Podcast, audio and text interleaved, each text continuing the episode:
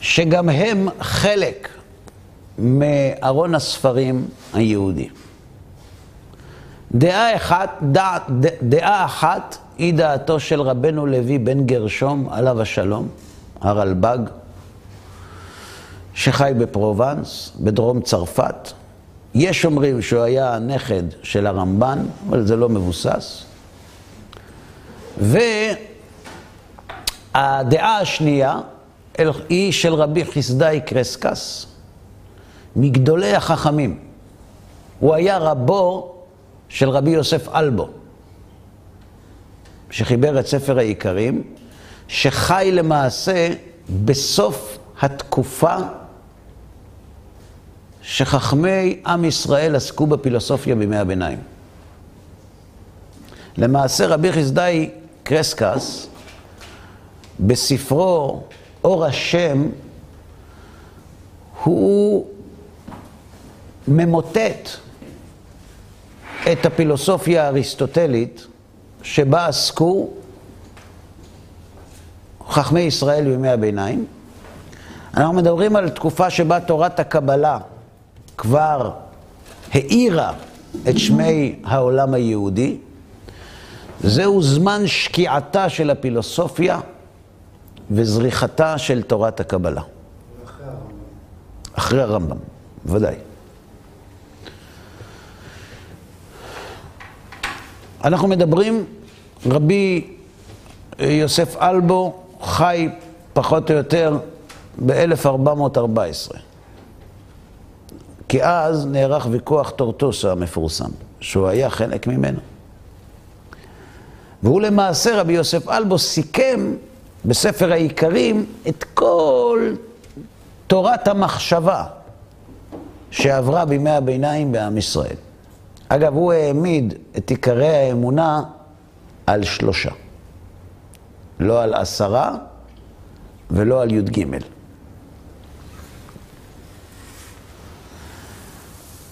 מה הם אומרים?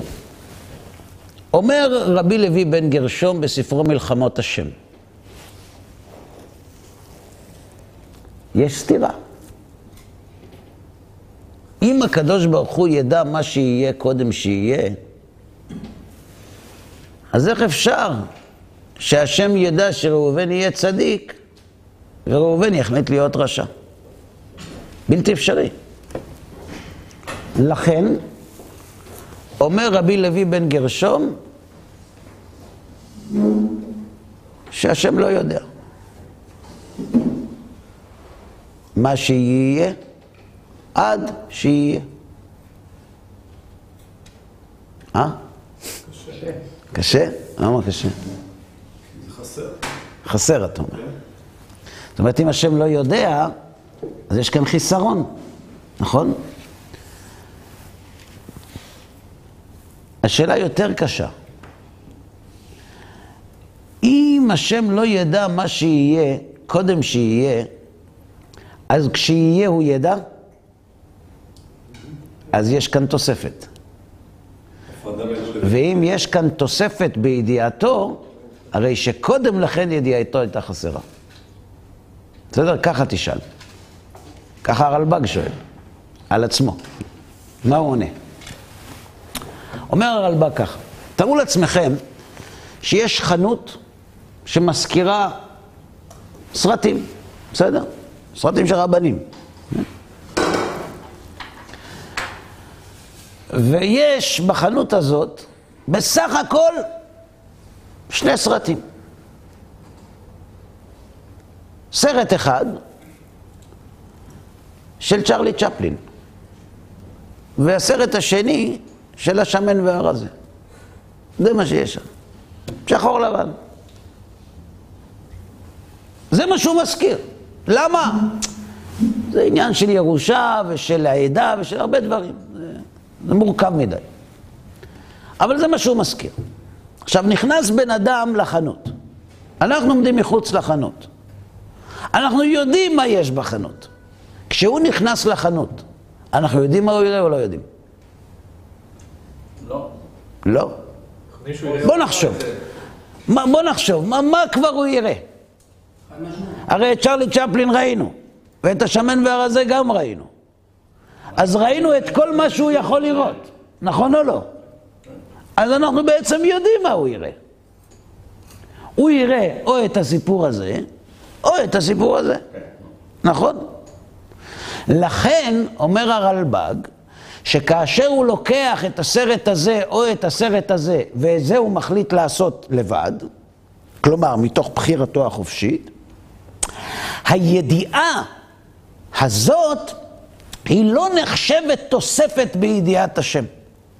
כי כיוון שיודע השם יתברך כל הבחירות שיכול לבחור האדם, ההחלטה הסופית אם לבחור א' או ב' היא לא נחשבת תוספת בידיעה כדי שקודם לכן תהיה חס ושלום ידיעתו חסרה. כך כותב הרלב"ג. אתה חולק עליו, זכותך. חלקו עליו, בסדר, אבל זו דעתו. השאלה היא, איך, איך מתמודדים עם, עם, עם הטענה שהרלב"ג אומר שהשם, יש דברים שהשם לא יודע. זו השאלה. נכון? תשובה. יש עוד דברים כאלה, הם בכלל לא מטרידים אותנו. זה שאנחנו יושבים עכשיו ומדברים, זו קריאת תיגר על האלוהות הרבה יותר מאשר הטענה של הרלב"ג. מדוע? אנחנו אומרים שהקדוש ברוך הוא, הוא ממלא כל עלמין, נכון? וסובב כל עלמין. ולית אתר פנוי מיני, ומלוא כל הארץ כבודו. נכון? עכשיו, אני אלוהות? אם הייתי אלוהות, אנשים היו משתחווים לי. אני לא. אני אהרון. ואם הקדוש ברוך הוא ממלא את הכל, ואני לא הוא, ואני קיים, אז יש מקום שהשם לא ממלא. ברור או לא ברור? אנחנו בתוך החדר, נכון? החדר הוא חלל. איפה שאני נמצא, יש חדר או אין? איפה שאני יושב עכשיו. יש או אין? אין? תפסת נקודה במרחב. זאת אומרת שאיפה שאני, אני סילקתי את החדר לצדדים, כי אני פה. מבחינת חומר. נו, כן, חומר, הכל חומר. אני פה. ואם אני פה, ויש אני, והוא לא חדר, אז במקום שאני נמצא אין חדר. כשאני אצא, ישוב החדר למקומו. אבל כשאני פה, אין פה חדר. האם זה מובן? כן או לא? אם לא, תגידו. מובן או לא? יופי. אבל אלוקות מתבטאת בך. רגע, בסדר, עכשיו זה... קודם כל, נלך שלב אחרי שלב. שואלים המקובלים, שכנראה לא הבינו כמונו את השאלה, כי לנו אין שאלה, זה ברור לנו, אבל המקובלים הייתה שאלה. והם אומרים, איך זה יכול להיות?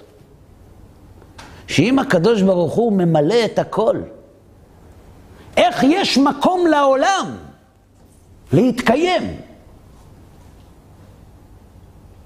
שהרי אם הוא הכל, אז איך יש עולם?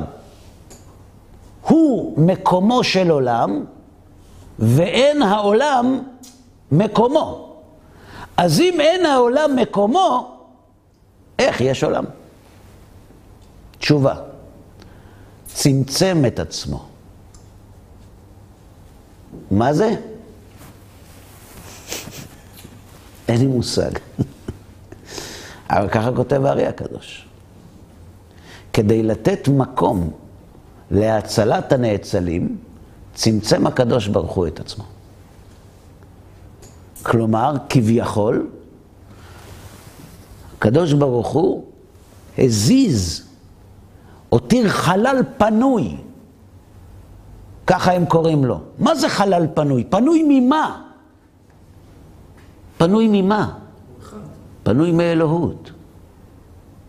ובחלל הזה נותר רק רושם של האלוהות שנסתלקה ממנו, כדי לתת מקום לעולם להתקיים. וחלק מהצמצום הזה זה אתם ואני. כי אתם ואני יכולים להתקיים רק אם הקדוש ברוך הוא נותן לנו מקום להתקיים.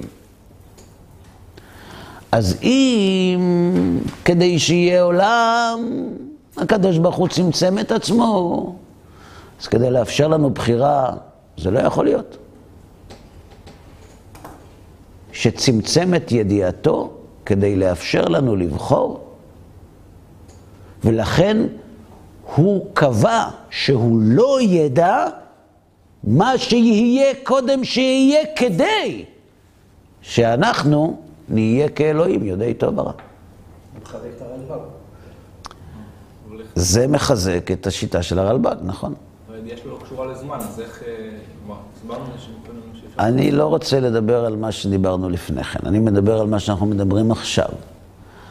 אנחנו שאלנו שאלה, איך אפשר חס ושלום להגיד שהשם יתברך לא יודע מה האדם יעשה לפני שהוא יעשה? זה כפירה! תשובה, המקובלים מחזיקים באותו רעיון באשר לקיומו של העולם. ואם זה לא קשה לך, אז למה פתאום קשה לך עם זה שהשם לא יודע מה שתעשה לפני שתעשה?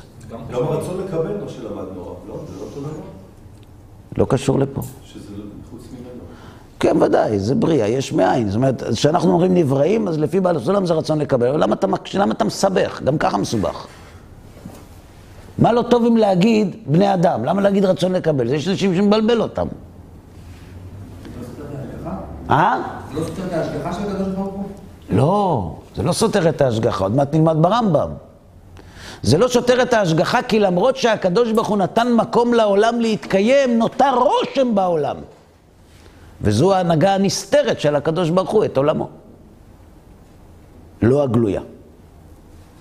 כי כשיש הנהגה גלויה, אז הכל חוזר לקדמותו. וכשיש הנהגה גלויה, באמת אין בחירה.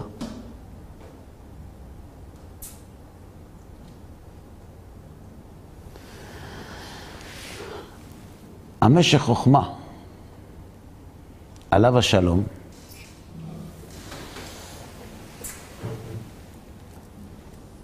רבי מאיר שמחה מדווינסק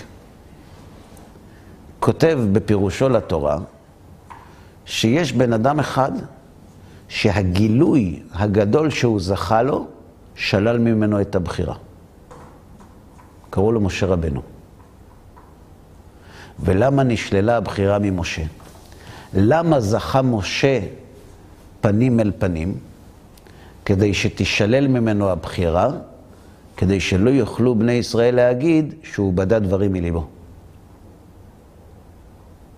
ככה הוא כותב. זו דעת הרלב"ג. בסדר? חידוש, נכון? יש עוד חידוש. רבי חסדאי קרסקס, עליו השלום, בספרו אור השם, אומר את אותו דבר. הידיעה והבחירה זה סתירה. אין בחירה. מה זאת אומרת אין בחירה? מה, אתה נגד הרמב"ם? אתה נגד התורה? מה זה אין בחירה? אומר רבי חסדאי קרסקס, לא תתפוס אותי עם פסוקים. קראתי אותם. אני עדיין אומר את מה שאני אומר. כותב רבי חסדאי קרסקס, וזה אמנם, שאם היו הדברים מחויבים מבחינת עצמם, היו המצוות והאזהרות לבטלה. אבל אם הדברים אפשריים מבחינת עצמם ומחויבים מבחינת סיבותיהם, לא היו המצוות והאזהרות לבטלה. הבנתם את זה? לא, אני אקרא את זה שוב? שוב. וזה אומנם, כותב בעל ספר אור השם, שאם היו הדברים מחויבים מבחינת עצמם, היו המצוות והאזהרות, כלומר, עשה ולא תעשה, לבטלה. כלומר, אם הם היו מחויבים להיות מצד עצמם, לא היה טעם לצוות. אבל אם הדברים אפשריים מבחינת עצמם, ומחויבים מבחינת סיבותיהם, לא היו המצוות והאזהרות לבטלה. אבל לתכלית חשוב. מה הוא רוצה? בגלל שבעצם מה, מה הוא אומר? הוא אומר שזה שעשית את המצוות, זה יצר לך איזשהו מסלול דטרמיניסטי מסוים, שבלעדיהם זה לא היה קורה המסלול הזה ומגיע לתכלית. המסלול הדטרמיניסטי שאתה מדבר עליו לא היה קיים גם לפני זה לפי דעתו? הוא לא היה קיים לפי דעתו, האפשר- היה אפשרות לאחד אז אני המסלולים. המצאתי- זה אחד המסלולים האפשריים. זה לא מה שהוא אומר. לא. הוא אומר דבר כזה, תדע לך שכל מה שקורה בעולם לא נתון לשליטתך. מחויבים מצד סיבותיהם. אין לך על זה שליטה. אז למה יש מצוות ואזהרות? כי יש איזו נקודה קטנה ששם יש לך מצד עצמך בחירה, אפשרי מצד עצמו ומחויב מצד סיבותיו. כלומר, האירוע מצד הסיבות שלו הוא מחויב המציאות. אתה לא יכול לשנות אותו ולא להשפיע עליו. אבל יש משהו אחד שהוא חופשי, ורק בגללו יש מקום לציווי ואזהרה. איך אתה מתייחס למציאות? הכוונה שלך. הכוונה שלך היא חופשית. המעשים שאתה נתקל בהם הם לא. ולכן על הכוונה יש שכר ויש עונש. כלומר, רגע, שנייה, אנחנו עוד לא הסברנו. השכר והעונש נמדדים לפי איך אתה מתייחס לאירועים שעוברים עליך. דוגמה, נגזר על אדם שהוא יחלל שבת. נגזר עליו. הוא עשה את זה בשוגג, במזיד, באונס. זה בחירתו. ברור. נגזר על האדם שיעשה מצווה. הוא הזדהה איתה? הוא נאנס לעשות אותה? הוא עשה אותה בלי מחשבה? זו נקודת הבחירה שלך. אתה כסובייקט,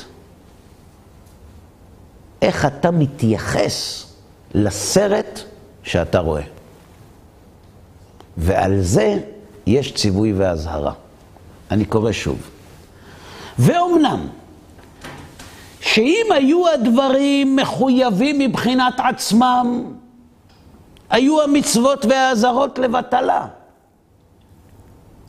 אבל אם הדברים אפשריים בבחינת עצמם ומחויבים בבחינת סיבותיהם, לא היו המצוות והאזהרות לבטלה, אבל לתכלית חשוב, וזה. כי יהיו סיבות מניעות לדברים אשר הם האפשריים בעצמם, במדרגת הסיבות אשר הם סיבות למסובביהם בחריצות והזריזות ואספת הקניינים ואל הדברים המועילים והבריחה מן המזיקים. ולזה התעמת שאין בטענה הזאת מה שיחייב המציאות אפשרות בבחינת הסיבה. הוא מביא ראיות לדבריו. למשל, אנחנו אומרים שמחשבה טובה, הקדוש ברוך הוא נפל למעשה. למה? כי זו הבחירה שלך. הבחירה שלך זה המחשבה, לא המעשה. ולכן את המחשבה הוא מצרף למעשה, כי המעשה לבד נגזר. או, אומרים, תינוק שנשבע לבין הגויים, הוא נענש או לא? למה הוא לא נענש? כי הוא אנוס. כי נגזר עליו שהוא יילקח בשבי לבין הגויים. איך אפשר לבוא בטענה לתינוק שנשבע, למה הוא לא שמר שבת? הוא לא ידע מה זו שבת. או שאומרים, הכל בידי שמיים, חוץ מיראת שמיים. זאת אומרת, את המעשים אתה לא קובע. אז את מה אתה כן? את הכוונה. והכוונה היא יראת שמיים. איך להתייחס למעשים, לגיבור או חלש, לעשיר או עני, לחכם או טיפש, איך להתייחס לאירועים האלה, זו הבחירה שלך. בסדר? כן.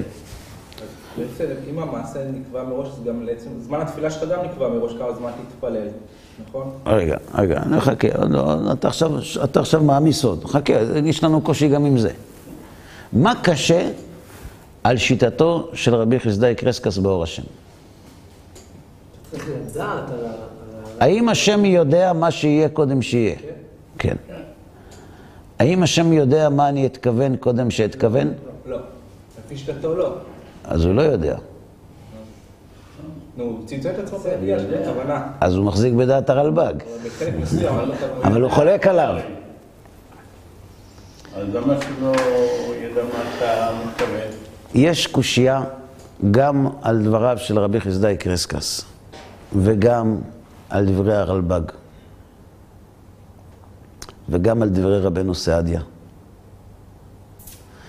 ולכן רבי יוסף אלבו ורבי יצחק ערמה, חי בתקופת הגירוש בספרד, החברותא של אברבנאל, וגם הרשב"ץ, שהם אחרוני התקופה, לא מחזיקים לא בדעת רבנו סעדיה, ולא בדעת הרלב"ג, ולא בדעת רבי חסדאי קרסקס, ולא בדעת הכוזרי, אלא בדעת הרמב"ם. לכן, כשאנחנו מנסים להבין את שאלת הידיעה והבחירה, אנחנו מחזיקים בדברי הרמב"ם כדי להבין לא למה אין תשובה, למה אין שאלה. ברור? עכשיו נחזור לרגע לדברי הרמב"ם באיגרת, ונקרא אותה, אותם לאור כל מה שלמדנו עד עכשיו. ודעו רבותיי, שעיקר מעיקרי דתנו, וגם הפילוסופים כולם מודים בו, שכל מעשה בני האדם מסורים להם. ואין שם לא מושך ולא כופה, אלא אם ירצה האדם יעבוד את השם תמיד ויהיה חכם יושב בבית המדרש, יעשה. ואם ירצה ללך בעצת רשעים ולרוץ עם הגנבים ולצפון עם המנאפים, יעשה. ואין שם טבע ולא מולד שמושך אותו לאחד מן הדרכים. ולפיכך נצטווה, ונאמר לו, עשה כך. כאן למדנו, נכון? נמשיך. וכמה דברים ביארנו בעניינים אלו, וכדומים להם, בסוגיית הבחירה, בחיבור שיש לנו בלשון ערבי, או בפירוש המשנה, ובשאר החיבורים. אז בלשון ערבי זה מורה נבוכים. פירוש המשנה לרמב"ם, ושאר החיבורים זה היד החזקה. שני תורה לרמב"ם. הלכות תשובה. ובכן, יש לנו לדעת שאין מאורעות בני אדם כמאורעות הבהמות, כמו שאמרו הפילוסופים. נמצא. בדברים אלו שלוש מחלוקות. דיברנו על מציאות השם, דיברנו על השגחתו, והרמב"ם מברר בפני חכמי מונפליה את העמדה של תורת ישראל. עכשיו הוא עושה את זה אותו דבר גם כאן. כיצד? שלוש מחלוקות. הגע עצמך, שראובן זה ברוסי. מה זה? מאבד אורות. ועני. ומתו בניו בחייו. וזה שמעון בסם. ועשיר. ויחיו לו בניו לפניו. ואפשר שיעני שמעון ויחזור בורסי וימותו בניו בחייו, כל זה קרי בעולם, מקרה. ואין שם טבע בעולם ולא כוח מכוכב שגרם לזה האיש שיהיה כך ולזה שיהיה כך.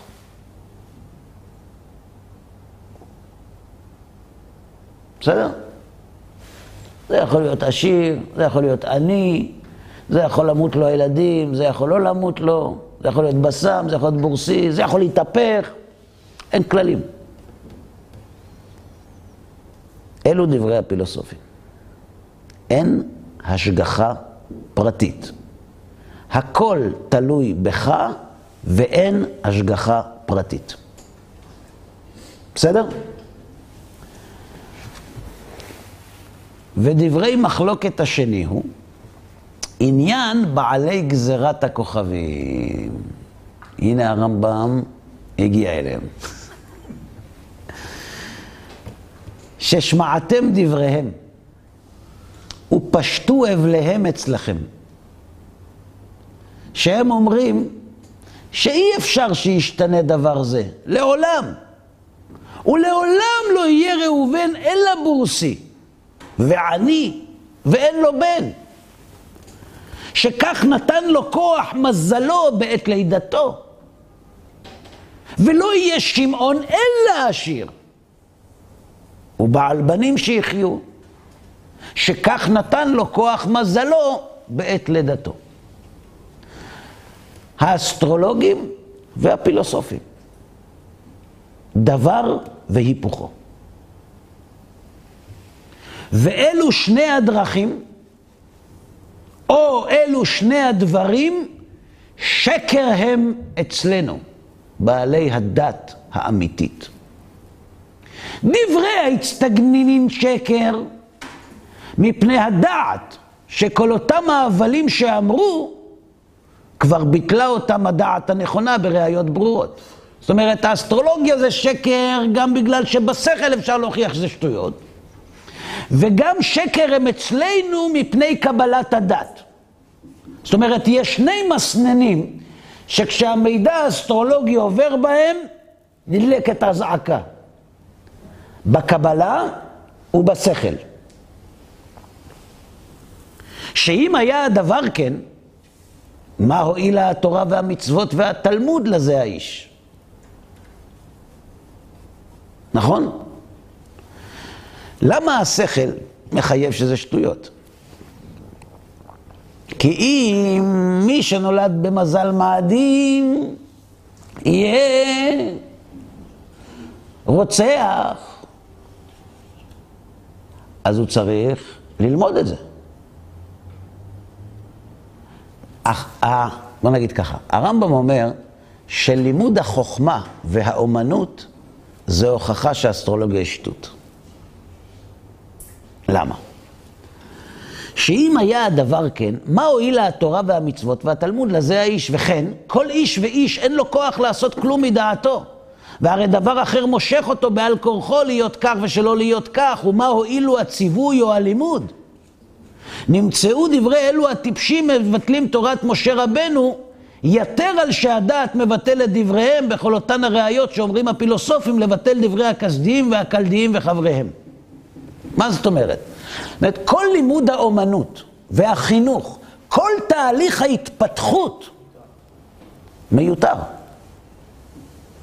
אם נקבע מראש מה יהיה עם האדם, תשאיר אותו, הוא יגיע לשם. למה לקלקל? אה? זה לא סותר.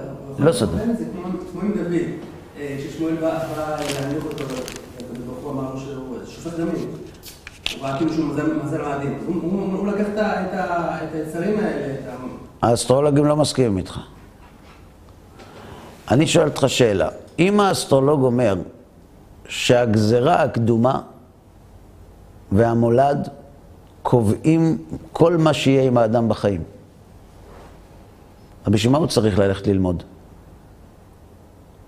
בשביל מה הוא צריך ללכת לעבוד? אם נקבע שהוא יהיה עשיר, הוא יהיה עשיר. אם נקבע שהוא יהיה עני, הוא יהיה עני. האם הוא לא יודע מה נקבע לו? שישב בבית. כי אם נקבע שהוא יהיה עשיר, גם אם הוא לא יעבוד הוא יהיה עשיר. ואם נקבע שהוא יהיה עני, גם אם הוא יעבוד הוא יהיה עני. אז בשביל מה לעבוד? יעבוד. נכון, ובכל אופן הוא עובד. זאת אומרת, המציאות מלמדת שאם הוא לא עובד אין לו מה לאכול, ואם הוא עובד יש לו מה לאכול. מה נגזר? אתה אומר שנגזר על אדם שיהיה עשיר או עני, שהמקצוע של האדם נגזר עליו. שהמולד גזר על אדם שהוא יהיה בורסי ואי אפשר שהוא יהיה בסם. הנה, הוא נהיה בסם. המציאות מוכיחה שאנשים משתנים. אז זה סותר גם את השכל וגם את התורה. וגם דברי הפילוסופים שאומרים שדברים אלו קרי, כלומר שהכל מקרה, שקר הם אצלנו. למה? בגלל החושים? בגלל השכל? מפני קבלת הדת. בגלל הנבואה. אתה יודע למה אני לא מחזיק בדעה של הפילוסופים ביחס להשגחה הפרטית? בגלל הנבואה. ודרך האמת שעליה אנו סומכים ובה אנו הולכים, הוא שאנו אומרים, מי זה אנו? היהודים, שזה ראובן ושמעון, אין שם דבר שמושך זה להיות בשם ועשיר, וזה להיות בורסי ועני.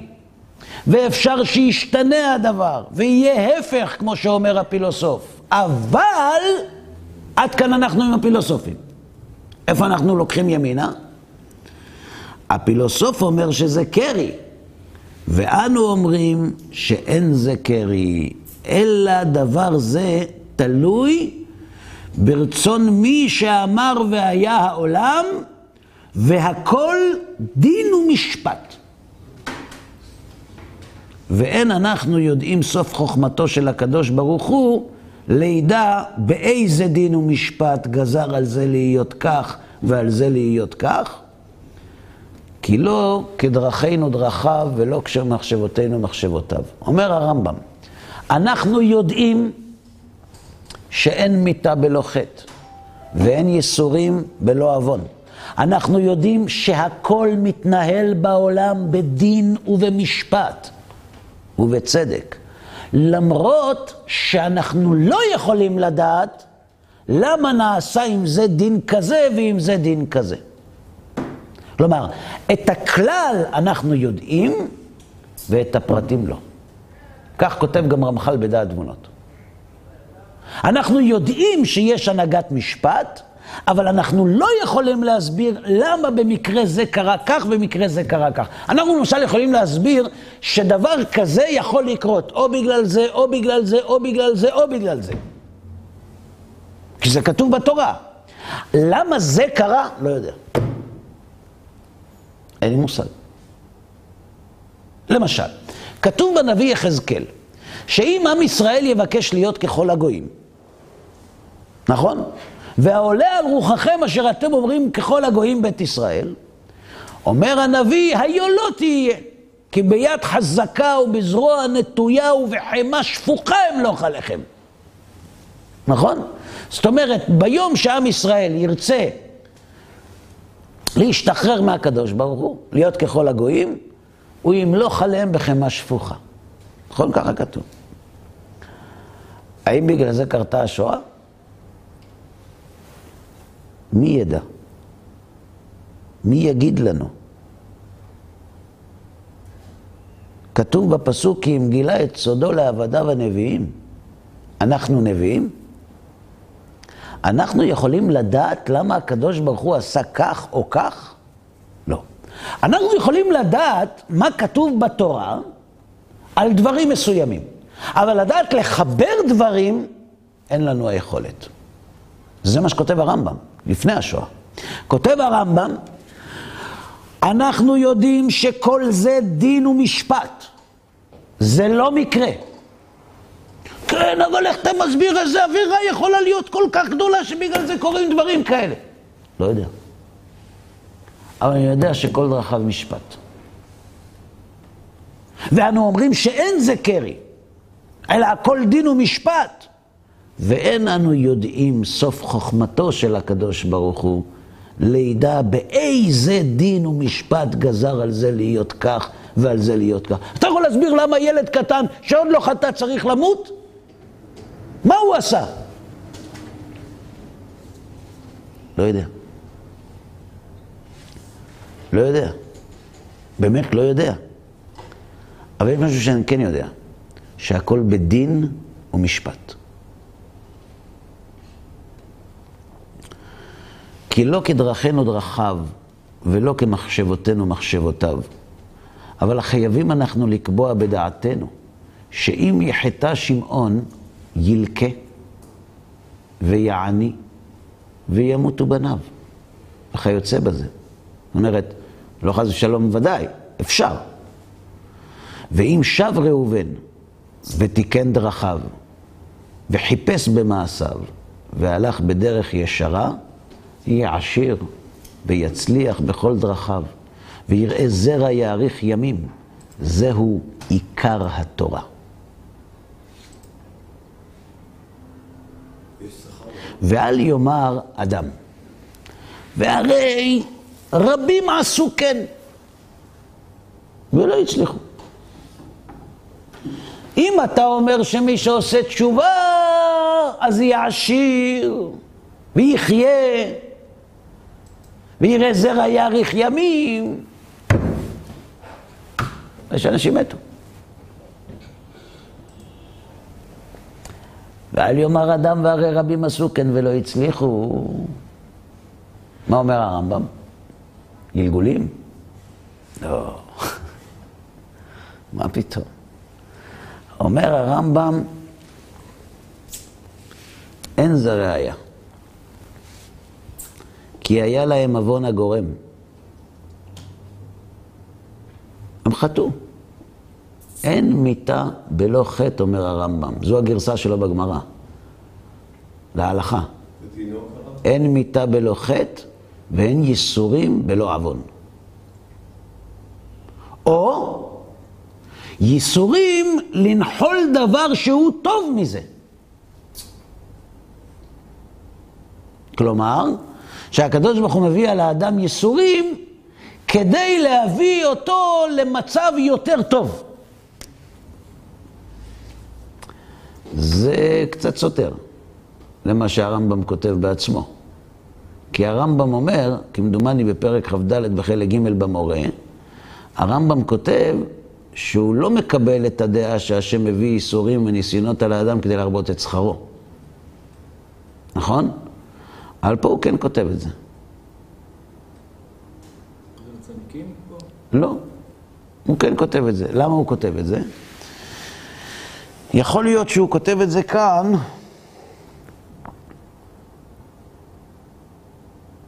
גם שהוא לא מסכים, אבל הוא אומר, תדע לך שיש דעה כזאת. יש דעה כזאת, אני לא חושב כמוה. אני סובר שהיא דעת יחיד, אבל יש דעה כזאת. כללו של דבר. אין דעתנו משגת דיני הבורא יתברך בבני אדם, האח הם בזה העולם ובעולם הבא. תשכח מזה. כי לא מחשבותיי מחשבותיכם ולא דרכיכם דרכי נאום השם. מה שגיליתי לך, אתה תדע, ומה שלא גיליתי לך, חבל שתתאמץ, כי לא תדע. תדע שהצור תמים פועלו ככל דרכיו משפט אל אמונה ואין עוול צדיק וישר. את זה תדע. איך הוא עושה את משפטו? אם יגלה תדע, אם לא יגלה לא תדע. עד כאן ברור? עכשיו, יש עוד נקודה אחת, שבה הרמב"ם שואל על עצמו.